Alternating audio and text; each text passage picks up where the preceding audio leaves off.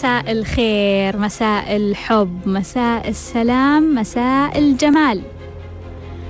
مرحبا بمستمعينا على بانوراما إف إم في ليش؟ ليش ليش ليش ليش؟ وسؤالنا لليوم ليش ما أعرف أفرح؟ ما أعرف أفرح لأنه احتياجاتي المادية الضرورية غير ملباة.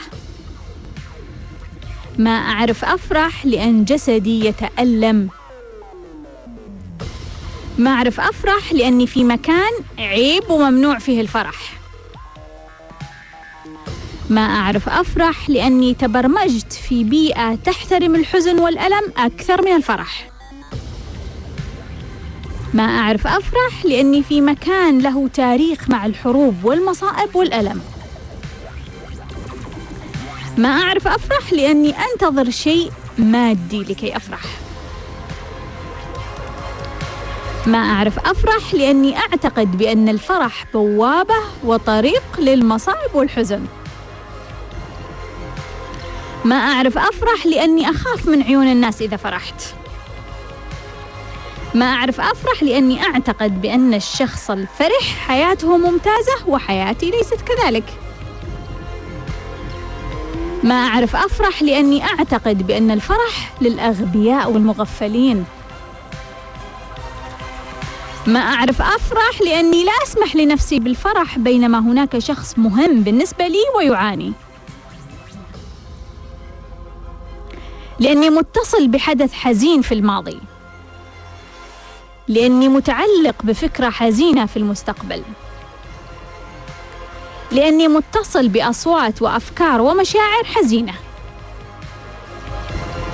ما أعرف أفرح لأني أشعر بالخجل من أن أفرح. ما أعرف أفرح لأني مكتئب وحزين. ما أعرف أفرح لأن الحزن هو المحرك الرئيسي لمشاعري. ما أعرف أفرح لأني خائف من الفرح. ما أعرف أفرح لأن ضميري يؤنبني حين أفرح. ما أعرف أفرح لأني غاضب وأشعر بخيبة أمل من عدم تحقق أهدافي. لأن الفرح صعب بالنسبة لي. لأني مللت انتظار حدث أو شخص أو شيء. ما أعرف أفرح لأني مشغول بأهدافي ولا وقت للفرح. لأني لا أعرف كيف أفرح. لأني تبرمجت على الألم والحزن والدراما. ما أعرف أفرح لأن مصادري الطاقية حزينة. ما أعرف أفرح لأني أحتاج طاقة الآخرين من خلال الحزن. ما أعرف أفرح لأني أفتقد لمصادري الطاقية فلا أستطيع استشعار طعم الفرح.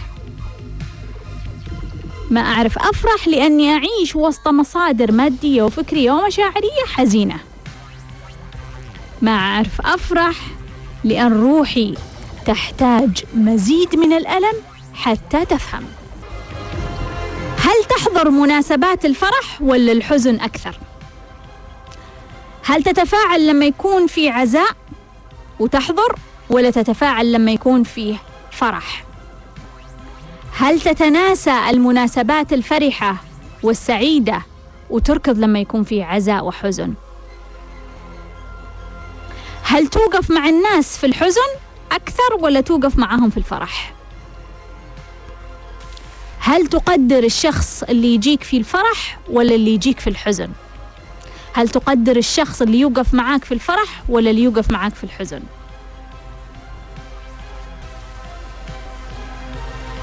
لما تنتهي مشكلاتك تحس إنه في شيء ناقص؟ تحس إنه الحياة تحتاج إلى مشكلة حتى يكون لها نكهة. تحس إنه الحياة ما لها نكهة إلا لازم أصنع مشكلة، لازم أصنع ألم. ما أقدر أصنع فرح. فأبحث عن مشكلة وأبحث عن ألم وأبحث عن حزن لأني ما أعرف أبحث عن فرح.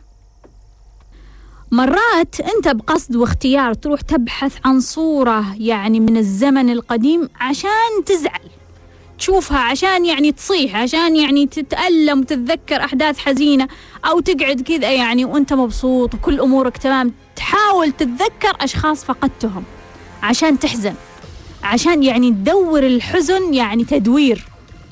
مرات تروح تدور أغنية لا وين الأغنية اللي تبكيني؟ وين الأغنية اللي كذا تحسسني بقمة الألم؟ يعني تروح تبتكر الحزن تبتكر تبحث عن طرق الحزن تبحث عن أساليب الحزن. وين وين أحصل حزن يا جماعة؟ أحصله في صورة أحصله في أغنية أحصله في مكان أبحث عنه لما يعني أحزن نفسي وأقول أوه أخيرا خلاص أنا كذا ارتحت أنا أنا سويت اللي يناسبني سويت اللي يشبهني سويت اللي يماثلني. أبغى أرجع لسؤال آه أخوي خالد سألني سؤال الحلقة اللي راحت وما أعطيته حقه في الجواب. كان هو آه، متزوج من سبع سنوات ويحب زوجته وعنده أطفال. وعنده علاقات عابرة. زوجته اكتشفت هذه العلاقات وقالت له مع السلامة خلاص. فهو يعني حس إنه هو انجرح لأن المفروض إنها غلبت الإيجابيات.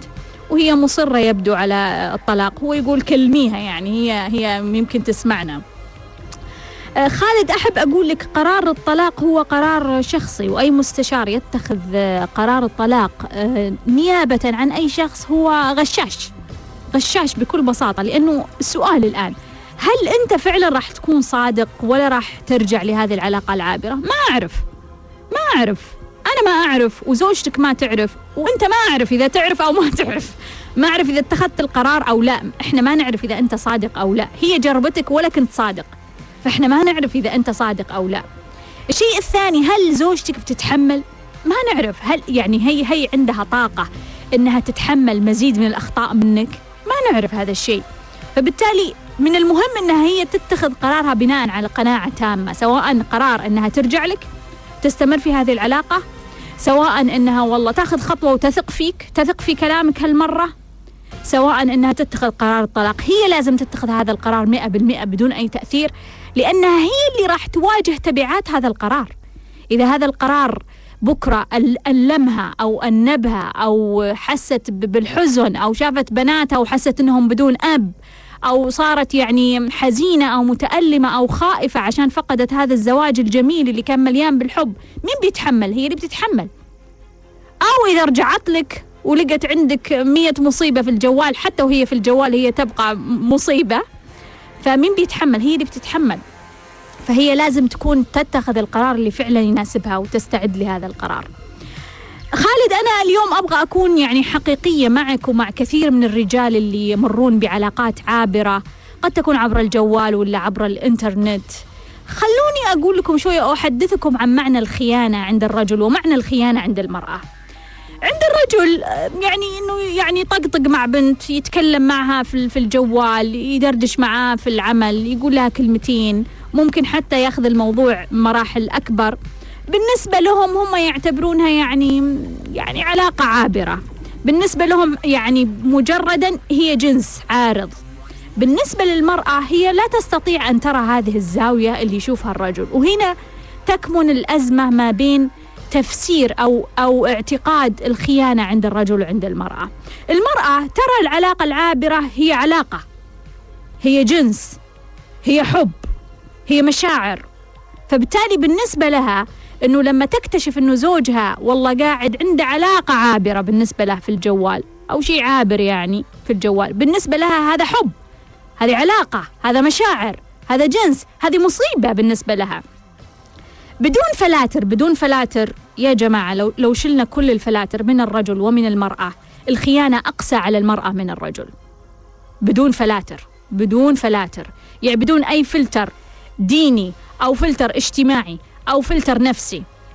خلونا نقول كأشخاص ما عندهم أي فلتر. المرأة الخيانة قاسية عليها لأن تفسير الخيانة بالنسبة لها مختلف عن تفسير الرجل. الرجل بالنسبة له لو تخون زوجته وبدون فلاتر اعتبرها أنها هذه هي علاقة عابرة. المرأة لو يخونها زوجها وبدون فلاتر وراح تشيل جميع الفلاتر ما تستطيع أنها تشوفها فقط جنس هي بالنسبة لها عواطف. المرأة عندها كتلة من المشاعر والعواطف عندها غيرة مفهوم الخيانة مختلف بالنسبة لها تماما. ولا تستطيع وفي مخها ما تستطيع تفرق بين الموضوع في مخها مركب بهذه الطريقة. ما تستطيع أنها تفرق مثل ما يفرق الرجل.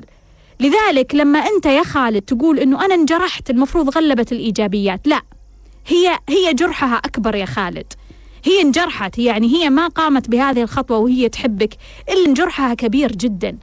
أنت من من زاويتك أنت من نظارتك أنت من الجهة اللي أنت تشوف فيها تعتبر إنه هذه يعني الطقطقة البسيطة العلاقة العابرة يعني فقط علاقة عابرة يعني يعني مجرد يعني مشاعر جنسية يعني هذه مش مش, مش علاقة هذه هذه مش حب هذه هذه المرأة بالنسبة لك مش مهمة العابرة. هي نظرتها مش كذا. عشان كذا أنت انجرحت لأنك ما تقدر تشوف من الزاوية اللي هي موجودة فيها.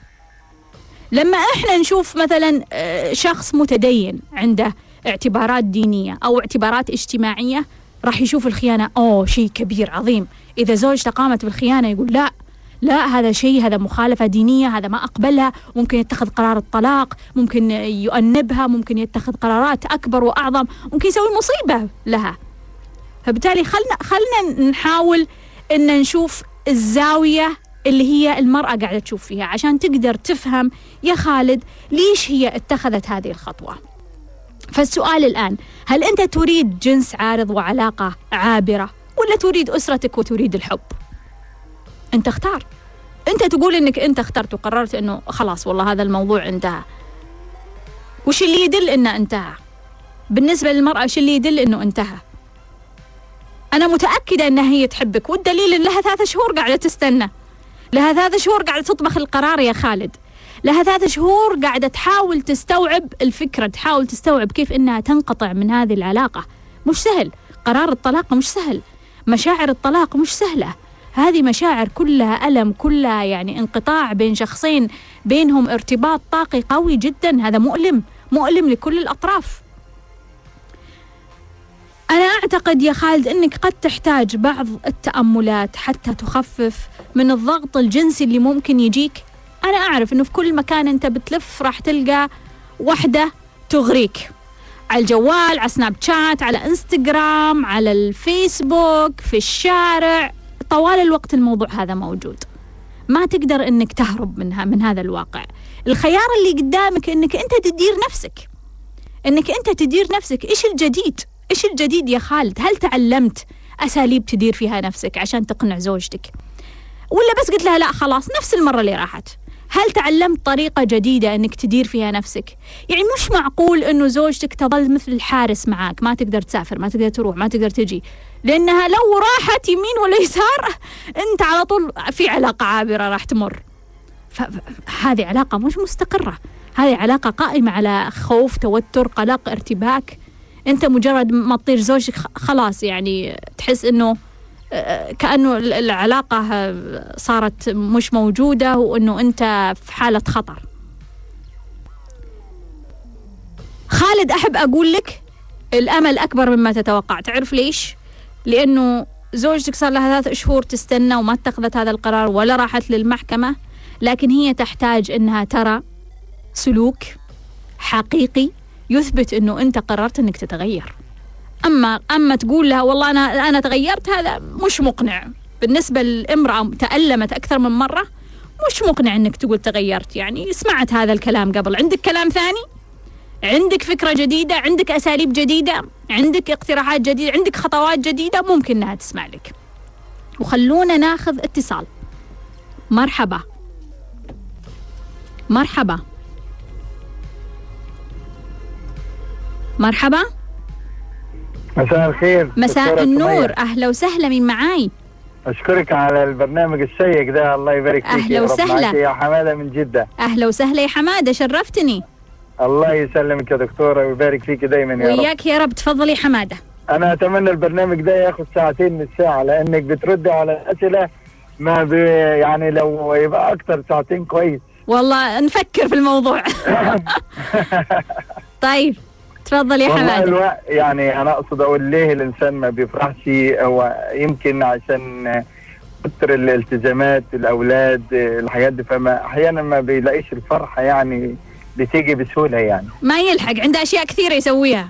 بالظبط كده ضغوطات الحياة يعني بتخلي الواحد ما بيلحقش يفرح أو أي شيء. أيوه وخصوصا كمان المغترب أكثر يعني. أنا طبعا مصري وهنا أيوه يمكن أكثر من 27 سنة. ما شاء الله. فما آه الحمد لله يعني. بس الواحد برضه مهما كان آه، التزامات برضه بتخلي الواحد ما بيلحقش يفرح. صحيح صحيح. ف... فنتمنى إن حضرتك يعني تدلنا على حاجة تفرحنا. أي خلني أقول لك يا حمادة. شكرا الله جزيلا يا دكتورة. شرفتني. جدا. أهلا. وسهلا. ناخذ اتصال. مرحبا. مرحبا. ألو؟ أهلا وسهلا مين معاي؟ كيفك دكتورة سمية؟ الحمد لله بخير وعافية. حبيبتي مين أنا معاي ممتنة لك دكتورة أنا أحبك. يا حبيبتي. دكتورة أنا عندي أنا كنت زمان ما كنت أفكر في شيء اسمه زواج وزي كذا. إيه. قبل أربع سنوات كنت أدرس جامعة إيه. بعدها تخرجت والحين صار لي خمس سنين ما أحد دق الباب وكان زمان في خطاب كثير والحين ولا شيء. وقبل سنة وقبل سنتين كذا كنت أفكر كثير مرة مرة كثير في شيء اسمه زواج.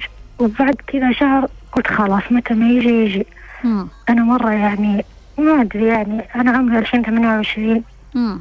وأي شيء أبغاه يعني أي شيء أبغاه في حياتي يقولون أهلي إذا تزوجتي. يعني أي شيء أبغى أسويه يقولون إذا تزوجتي. عشان إذا إذا أي شيء أسويه يقولون لا سمعتك سمعتك. مم. هذا هو يا دكتورة حبيبتي بس قولي لي اسمك. اسمي هنا. حبيبة قلبي هنا أقول لك. شكرا جزيلا. دكتورة طيب أبغى أعرف. أنا على أي مستوى سلم هاوكن أنا سمعت مقاطعك بس إيه. ما فهمت. أحس مرات أنا كذا مرات أنا كذا. إيه. ما فهمت. أقول لك حبيبتي. يعطيك العافية شرفتيني. حبيبتي. شكرا. وناخذ اتصال. مرحبا. ألو؟ أهلا وسهلا. أهلين دكتورة. أهلا وسهلا بس تسمعيني من التليفون؟ اسمعكم الجوال حبيبتي بس عارفيني بنفسك. أنا مها كلمتك الأسبوع اللي فات. حبيبتي أهلا وأنا وسهلا دائما أسا... أنا أسمع برنامج بالحيل أحب كلامك ويدخل قلبي يعني. يا. الله كيف أسلوبك جدا سلس. مرة مرن نحسك كأنك تحكين كل واحد فينا. يا حبيبة قلبي سمي يا مها. آه فشجعيني أحكي لك. آه، أنا من جد أنا قصة حياتي تحتاج لها كتاب لأنها يعني أنا إنسانة جدا خطيرة ترى إيه. مرة خطيرة. على, على أي صعيد خطيرة؟ حياتي كانت جد أنا أحس إن الرال واكتبها في كتاب رائع. يعني فيها دراما ولا ممتعة ولا؟ لا لا لا أنا شوفي أنا حكاية السعادة أنا أختلقها. إيه. أنا أختلق. أنا جدا إنسانة مو سلبية بالعكس إنسانة جدا سعيدة. وأسعد نفسي مع إني مرت علي ظروف أتوقع إنه أي أحد مرت عليه ممكن يكون الحين انتهى. لكن آه. السعاده أنا أخلقها بذاتي. مم. يعني مو أي أحد. آه القصة الثانية اللي أنا جاية بستشيرك فيها دكتورة. إيه أنا كنت أتخطب كثير وأنا أدرس. طبعا وكان أنا أصلا من أصل بدوي. أبوي يعني إحنا قبايل يعني بدو مم. فطبعا كانت دراسة البنت معاناة يلا كملت الدراسه الجامعية بمعاناة كان عنده البنت تتزوج يعني على الثانوي تتزوج خلص إيه. فكنت معاناة إلى أن اكملت دراستي الجامعية وكنت أرفض كثير كانوا يجيبوا خطاب وكنت أرفض. تزوجت واحد مو قبيلي مو بدوي آه واحد حضري. عرفتي؟ فكان طبعا أمي كانت نادرة نادرة لو تقدم لك واحد يعني إيش ما كان يكون لو واحد زي عبادتك راح تاخذينه. سبحان الله كانت تقدم زوجي. الحمد لله أنا طبعا انسان جدا كويس وانسان خلوق ومحترم ما عندي مشكلة. مم. مشكلتي مع أصحابه رجال أصحاب زوجي. مم. في البداية طبعا صاحبه القديم صاحبه من زمان من زمان متزوج امريكيه وكان يبغى يقنع زوجي يتزوج امريكيه كان زوجي لا يبغى سعودي.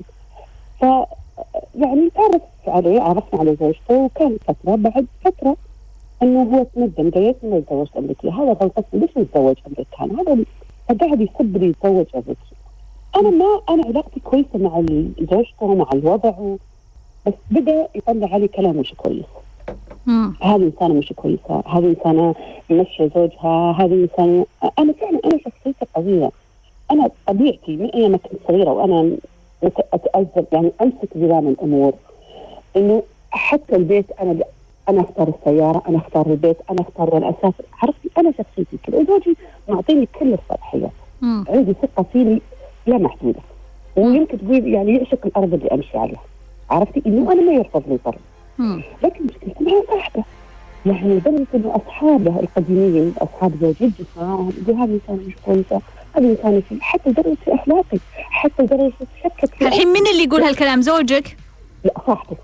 آه. امريكيه أوكي انه هذا إنسان مش كويسه اخلاقياته مش كويسه لدرجه انه يوصل لي خبر إنه ممكن يوزع رقمي في جلسة بشكل يتكلمونها. طبعا أنا هي حكي يوصلني عن طريق يعني عن طريق آه يعني آه صاحبة آه صاحبهم الثاني زوجته معي في معي في الشغل.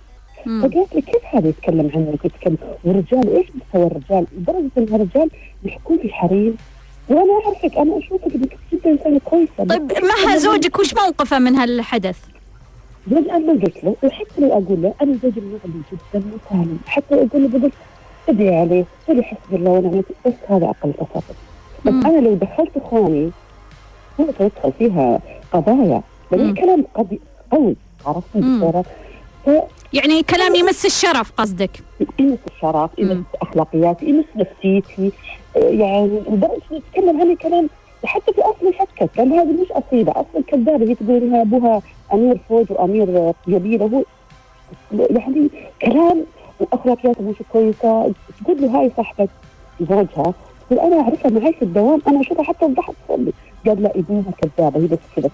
أنا ما أنا شوفي بالنسبة لي أنا ساعه أقول يعني هذا ينرفزني صراحة غابني بالحيل. ساعه أقول أنا انسان دائما الانسان المثمر هو اللي مم.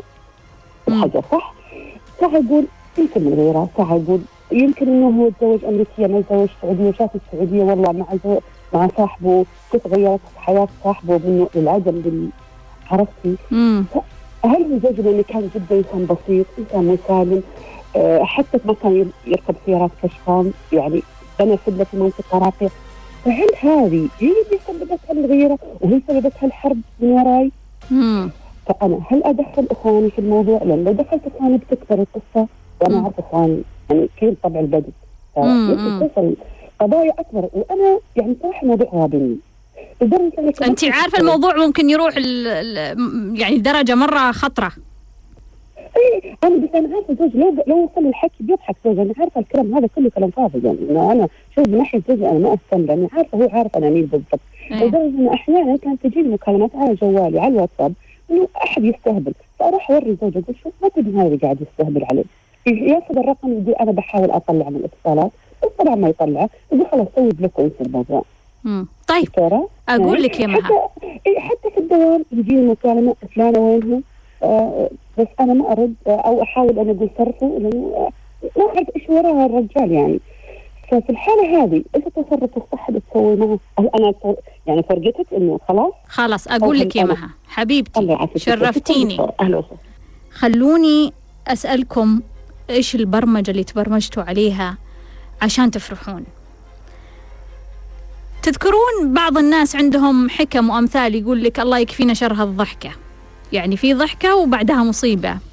أو يتبرمج على أغنية تعلمه وتذكره إنه هو لما يفرح بتجيله مصيبة. أو يكون مقتنع بفكرة توصله لنتيجه إنه إذا فرحت راح تخرب الدنيا. على إيش تبرمجت أنت؟ وخلونا ناخذ اتصال. مرحبا. مرحبا. مرحبا أهلا وسهلا من معاي؟ يا مساء الفرح دكتورة سمية معك العنود من الرياض. حبيبة قلبي العنود أهلا وسهلا. الله حبيبتي يسلمك دك... وحشتيني دكتورة. يا حبيبة قلبي سمي آمري. آه، دكتورة أنا عندي أكثر من سؤال. أنا مم. كلمتك أكثر من مرة وقلتي لي آه، سوي التأنيب. مم. آه، الحين أنا بديت أعمل تمارين التأنيب لكن عملتها في الوعي الطفولي. مم. وحابة أسأل آه، أسويها بعد في جلسة التأنيب ولا كفاية أو أسوي سنتين مع مم. بعض مم. آه، المشاعر السلبية اللي كنت أحسها نتيجة التأنيب خفت إلى الآن بنسبة 50% يعني أنا مرة مبسوطة مم. أشكرك دكتورة لأني أنا كنت يعني أتوقع أني ما عندي أي تأنيب مم. يعني كنت أتوقع ممكن يكون خوف ممكن يكون حزن ممكن يكون أي شيء ثاني غير التأنيب مم. آه، السؤال الثاني دكتورة الباب الخلفي آه، أنا لي فترة أسمعه لكن دائما أنام إذا سمعته. مم. لازم أنام. ودكتورة ما أقدر يعني أخفيك. على أي مقطع فيهم؟ في الألبوم. أنا الحين في الاستحقاق. مم. أي ومش نوم دكتورة. أحيانا أحس إني أنا أكون مش مش موجودة. مم. يعني ما أعرف هو ماني ماني عارفة. أميز الإحساس اللي أنا أحسه بس إني أكون مش مش هنا والآن. طيب. بعد دكتورة عندي سؤال على تكرار رقم اثنين مع إنه ما يذكرني بأي شيء لكن دائما ألقاه. مم. طيب. دائما ألقى اثنين 22 أو 222 أحيانا معاها أربعة وأحيانا لا. ما يذكروني بأي شيء لكن يتكررون بطريقة كثير يعني كثيرة. خلاص أقول لك يا العنود. دكتورة وعندي آه، منار اللي كلمتك من مكة. آه، دكتورة هذه صاحبتي. أنا وياها صديقات. أنت اللي جمعتينا دكتورة. يعني أنا في الرياض وهي في مكة. آه، أنا أحب أقول لها ممتنة لها شكرا لأنها دائما كانت الأخت اللي دائما تشجعني. كل. ما تشوفني يعني داون أو منهارة أو مش قادرة أعمل أي تمرين كانت توقف معي. وأرجع أنا قدام كل الناس أقول منار أنت قوية وتقدرين. يا حبيبة قلبي حبيبتي العنود الله يقويكم يا رب دكتورة. حبيبة قلبي. شكرا جزيلا. في يوم من الأيام قابلت أشخاص فرحانين مبسوطين مستمتعين يعني يضحكون ويمكن يرقصون ونكت وأجواء يعني مليانة فرح. وأنت كذا تشوفهم تقول تافهين فاضين ما عندهم شيء ما وراهم شيء. بعدين إيش تحس إنه أنت مش في مكانك وتمشي وتخليهم؟ هل سبق إنك رفضت ذبذبات الفرح بهذه الطريقة؟ هل سبق إنك فسرت الفرح وحطيت له فلاتر وشوهته حتى تهرب منه؟ أبغى أجاوب على حمادة يقول إنه عندنا التزامات ومسؤوليات وما نلحق نفرح. صحيح يا حمادة إنه الشخص لما يكون عنده كثير مسؤوليات يتورط أو يكون عنده أهداف يتورط ما يصير فيه حتى يعني وقت للفرح خصوصا لما تكون أهداف غلط. خصوصا لما تكون الأبواب اللي طرقها غلط والطريق اللي طرقه غلط.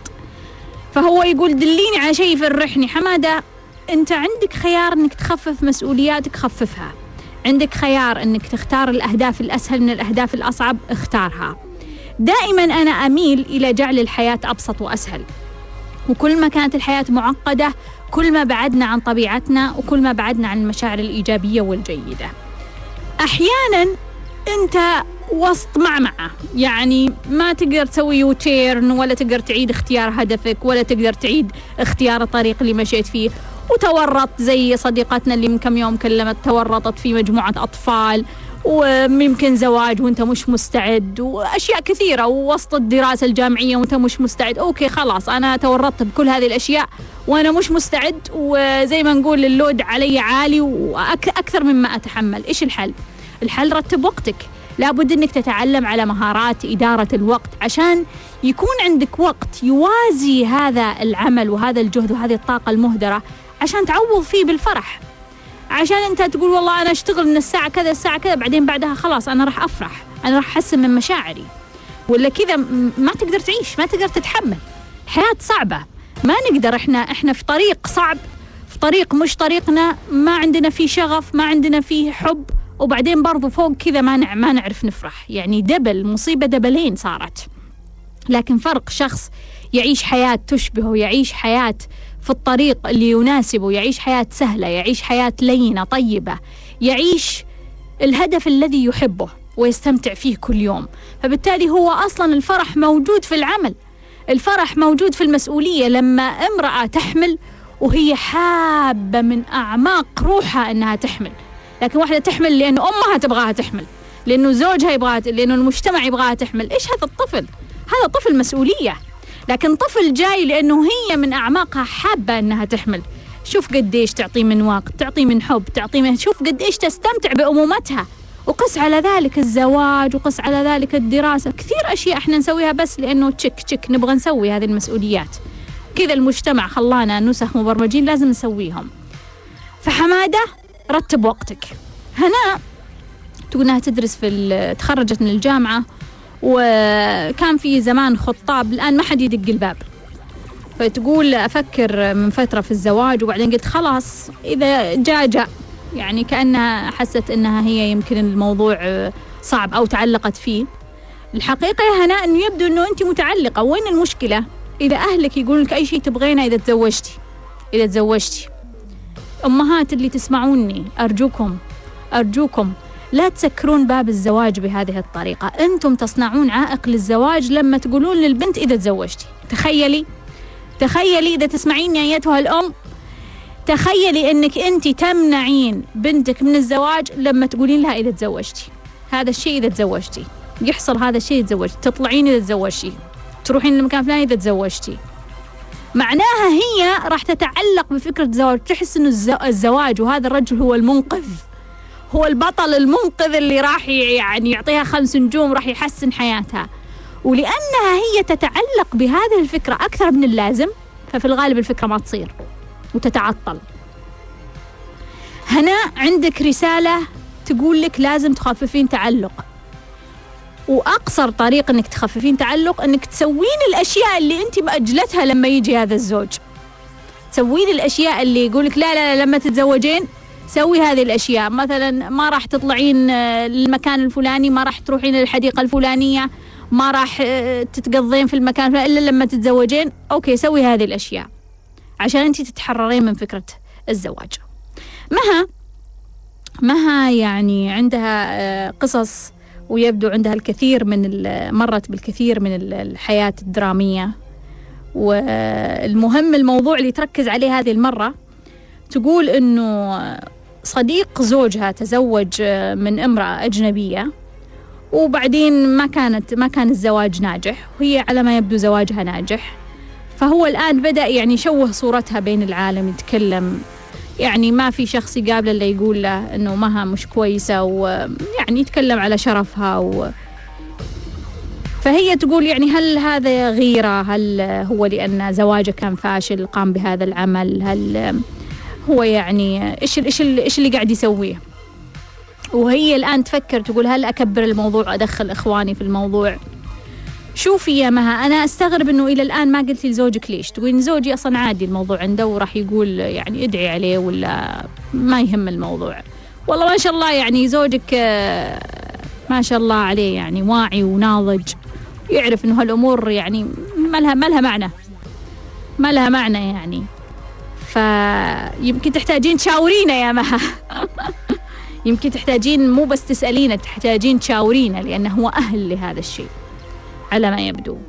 ممكن غيرة يا مها ممكن يعني الغيرة واردة. آه، أيضا كثير من الناس الأطفال اللي بداخلهم يقودهم الطفل اللي بداخله يقود.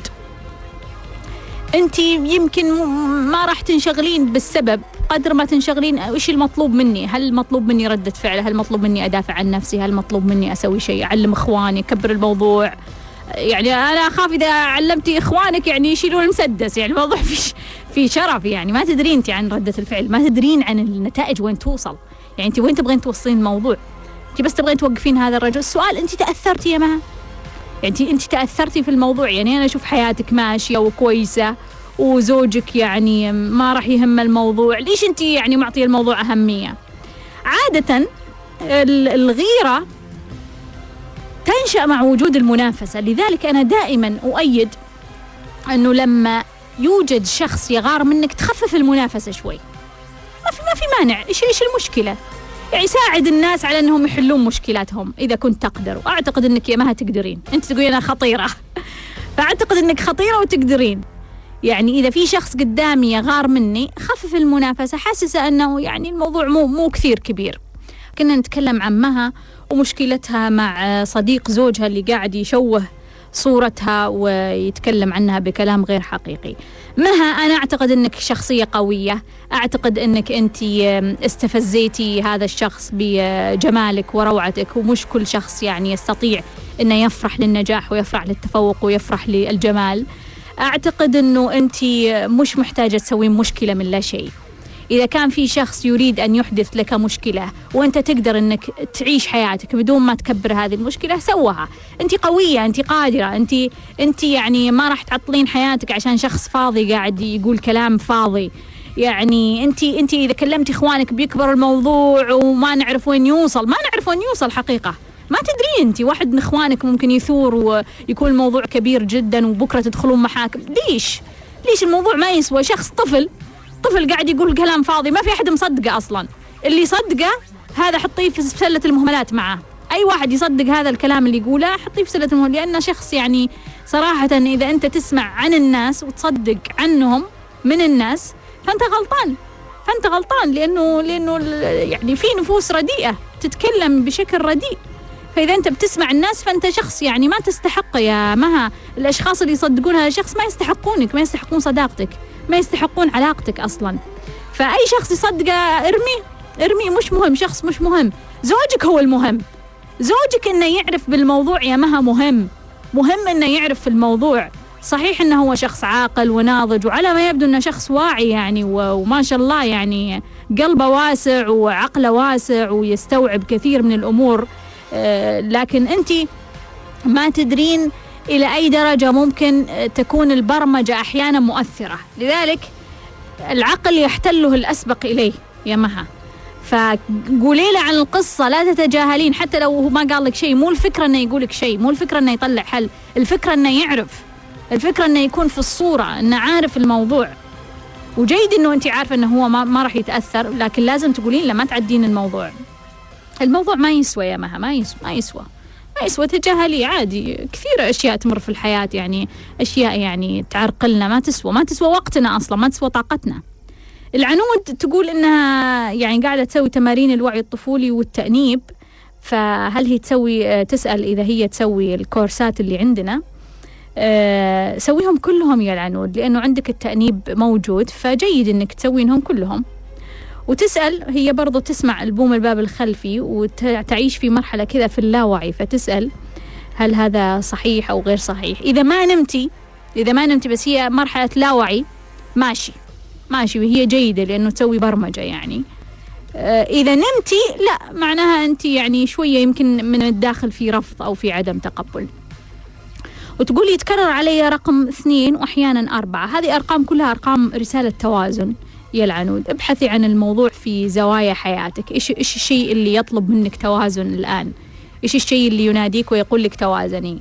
منار حبيبتي أحب أقول لك أنت قادرة والله يقويك وإحنا كلنا معاك واستشعري كل الدعم اللي يصلك. أنت قادرة أنك تخلصين هذا الموضوع. وخلونا ناخذ اتصال. مرحبا. ألو؟ أهلا وسهلا من معاي؟ أهلا دكتورة سمية. أنا حبيبتي. سوسو اللي كلمتك أمس. يا حبيبتي يا سوسو حالك؟ أهلا وسهلا. حبيبة أهلا قلبي. فيكي. سمي. آه دكتورة أنا أمس ما وضحت لك بعض النقاط لأني كنت مرتبكة ما توقعت إنك بتردي علي. أفا. حقيقة يعني لأنه ما رتبت بعض الأشياء. إيه اتصلت عشوائيا. إيه. آه أول حاجة بالنسبة للطلاق الأول ما أدري تذكرين ال- الموضوع أو لا. إي إي. إنه أنت. تزوجتي لمدة 13 سنة ووفاة الأب. إيه تمام. الطلاق الأول مو كان برأيي أنا أو أو بسببي أنا. آه أنت ما هربتي. بطلبي أنا. أو بطلبي أنا لا. الطلاق الأول أصلا هو زواج أول ما تزوجت بعدين سارحني وأعطاني ورقتي عند أهلي جابني عند أهلي واعطاني ورقتي بدون أي حاجة يعني. امم تماما؟ بعدها قال أنا هو اعترف إنه أنا أحب وحدة وإنه أهلي يعني جبروني عليك. آه، جبروني وإنه أنت قريبتي وكذا. وبعدها عرفت إنه هو كل تفاصيل الألم اللي كنت ثلاثة شهور هذه آه إنه كان آه، يحاول إني أنا أهرب. آه. إني أنا أطلع من نفسي. وانت ما طلعتي؟ لا لا لا ابدا ما مم. طلعت. طيب. ابدا. تمام. الزواج الثاني هو كان آه كنت مريت في مرحلة الطلاق كان وقتها طبعا المرأة إنه مطلقة واسم إنك مطلقة وعار وهذا إيه. الكلام وسبب. لي ألم نفسي لدرجة إني آه صرت أروح جلسات نفسية و- وقالوا لي كثير خذي أدوية وزي كذا طبعا ما كنت هذا ما كان هذا شيء يعني يناسبني. فحاولت أتخطى هذه المرحلة بقرار الزواج اللي هو عن طريق آه، طبعا آه، تعرفت على هذا الشخص حبيت إنه زواج يكون غير إيه تعرفت على هذا الشخص آه، طبعا وكأنه أنا أشعر إنه كأنه هروب من المشكلة الأولى لأنه آه. ما كنت أفهم إنه أنا أكتب إيش هو مواصفات الشخص آه، إيش اللي أبغاه من هذا الشخص إيش هي. الحياة أصلا تماما. بعد ما تزوجت عرفت هذا الشخص إنه. يروح الأساليب طبعا مغايرة عن عن قيمي أنا أساليب. أساليب خاصة له يعني مم. تماما مم. آه، اللي هي الأساليب إيش؟ آه، طبعا هذا الشخص آم، طبعا يروح الشراب وأشياء آه، قيم وبنات وهذه الأشياء وال... والخيانات والعلاقات الكثيرة اللي كانت سابقا قبل الزواج حتى. مم. أنت آم، كنتي تعرفينها قبل الزواج ما كنت أعرف أوكي لا. مم. عرفتها بعد الزواج. أه حاولت حبيت هذا الشخص حاولت إني أصلح هذه العلاقة وأطورها حاولت إني أدخل دورات ما أنا قلت لك يعني مو لأنك تحبينه. لأنك تحبينه ولا وش السبب؟ أه لأني أبغى أعرف إيش هي رسالتي مم. بعد ما عرفت الوعي ودخلت الوعي وفهمت يعني آه، أبغى 13 أفهم- سنة أنت أنت تبحثين عن رسالتك؟ آه لا هي الزواج الأول. بعدها صرت أنا يمكن هذه مشكلة الأولى أول أول سنة. يمكن هذه مشكلة ثانية. بعدين صرت أخاف إن بعد ما جبت أطفالي صرت أخاف إنه ياخذهم. بعدها آه صرت الآن مش خوف بينما إنه ليش الرسالة تتكرر؟ تكررت من الزوج الأول. آه، والآن الزوج الثاني. حلو. آه وما حبيت ما أبغى أهرب. أمامي أنا طرق إني أنا أروح وأطلب الطلاق بكل سهولة مم. وما عندي أي خوف من هذا الشيء مم. ولكن أنا حابة أعرف إيش هي الرسالة من مم. هذا الشيء اللي حاصل مع إني طورت نفسي كثير حتى في جوانب كل حياتي تقريبا مم. ودخلت دورات كثيرة ونظفت كثير يعني الحمد لله تخلصت من أشياء مرة كبيرة وعظيمة ووصلت لشغفي حتى وعرفت شغفي وعرفت إيش اللي أنا أبغاه في الحياة مم. لكن هذا الجانب من الحياة هو الخلل عندي مم. ما ما أعرف إيش هي الرسالة رسالة هذا الشيء مم. مم. فهمتي علي ال- ال- اللي هي الإيجو اللي هي أنا رحت طبعا المستشارين كل المستشارين دكتورة مع الأسف وبكل أمانة أقول لك كلهم ينصحوني في الطلاق أول ما أتصل عليهم وأقول لهم أنا عندي case case case case بلا مسؤولية بيقول لي روحي اتطلقي طيب بعدين طيب إيش؟ ما في مم. حلو مم. الدورات اللي أخذتهم ما أقول لك أنا حاولت أطور لأنه أنا أحب التطوير مم. مش عشان إني أنا هدفي إني بس جوانب جانب حياتي الزوجيه أنا في جوانب حياتي كلها أنا أحب التطوير مم. ما في حاجة جديدة أنا أحب إني أتطور سوسو أنت تنتظرين هذا الرجل يتغير؟ لا تتوقعين إنه يتغير؟ لا لا. مش مش إني أتوقع انها يتغير آه أنا عندي عندي أنا أمل ولكن ما أشعر إنه المشكلة فيه هو. آه طالما إنه هو معايا في الحياة الزوجية ففيه في خلل عندي أنا. مم. أنا واعية في هذا الشيء. إيش هو الخلل؟ مم. أنا حابة أعرف إيش الخلل اللي عندي. يعني أنا أبغى أحسن نفسي. وإيش الخلل اللي عندي على أساس المشكلة هذه تجيني؟ أكيد المشكلة هذه فيها رسالة لي. مم. طب هي إيه- إيش المشكلة المتكررة من طوال سنوات حياتي؟ مم. فهم علي دكتورة كيف؟ أي فهمتك.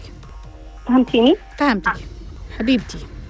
حبيبتي ممتنه لك حبيبة لك قلبي بس حبيت ومن اليوم أنا قاعدة أحاول لأنه أنا عرفت إنه أنت ما فهمتي إيش إيه. القصة ويمكن أنا كنت مرتبكه فعلا لأني قاعدة أتكلم معك وأبغى أقول لك وأوصل لك رسالة وأوصل للمستمعين رساله بليز لا تاخذوا أول مستشار وتاخ... وتخلوا المستشار هو مسؤولية مسؤولية تعطونه مسؤولية القرار لأنه مم. فعلا أنا لو كنت أخذت قرار آه، في حياتي كثير أعطوني ناس قرارات الحمد لله.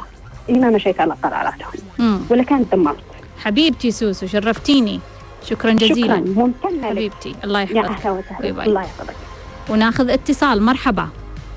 شكرا ممتنة لك. مرحبا. مرحبا.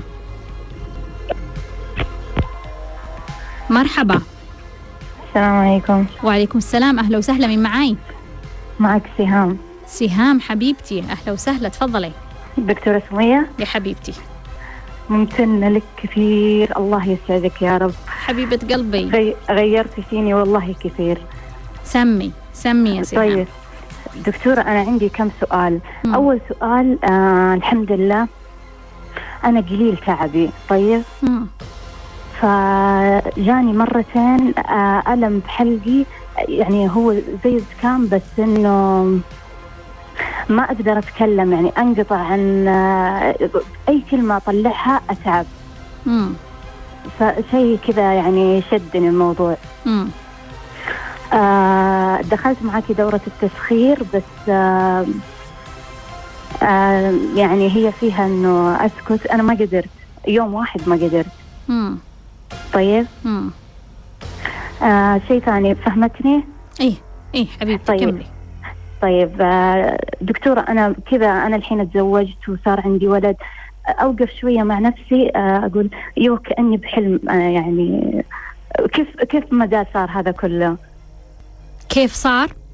أيوه يعني مم. يعني هو ما كأن اختيارك هذه ولا؟ يعني صراحة هو أنا كنت أبغى أتزوج وتزوجت مم. بس يعني مرة الوقت يعني أفتح عيني أقول والله كأنه حلم اللي أنا اليوم تزوجت وخل وحملت وولدت. طيب مم. دكتورة كمان عندي سؤال. أنا دخلت معك كارما الثراء مم. آه فتحت لي انستغرام يمكن لي ثلاثة شهور. جاتني وظيفة. آه لسه ما كملت ثلاثة شهور على الإنستغرام. جاتني وظيفة لكن الراتب عند يعني مرة يعني بسيط مرة وقبلت فيها. طيب؟ مم. آه يعني آه الحين يعني صار عندي ضغط من زوجي إنه أوه راتب ومي وهي يعني بس ساعتين ال- العمل فيها وإنه يعني ما يستاهل وكذا. فيجيني وقت أقول أسيب ما أسيب فما أدري. طيب أقول لك يا سهام. طيب حبيبتي. اخر سؤال دكتور الله يسعدك. ما عاد عندنا وقت حبيبة قلبي. طيب شكرا شرفتينا. الله يسعدك يا رب. شكرا جزيلا. أتمنى تكونون استفدتوا واستمتعتوا في لقائنا لليوم. راح نخليكم مع أغنية فرح. افرحوا معانا وتذكروا الدنيا خضرة حلوة. إلى اللقاء.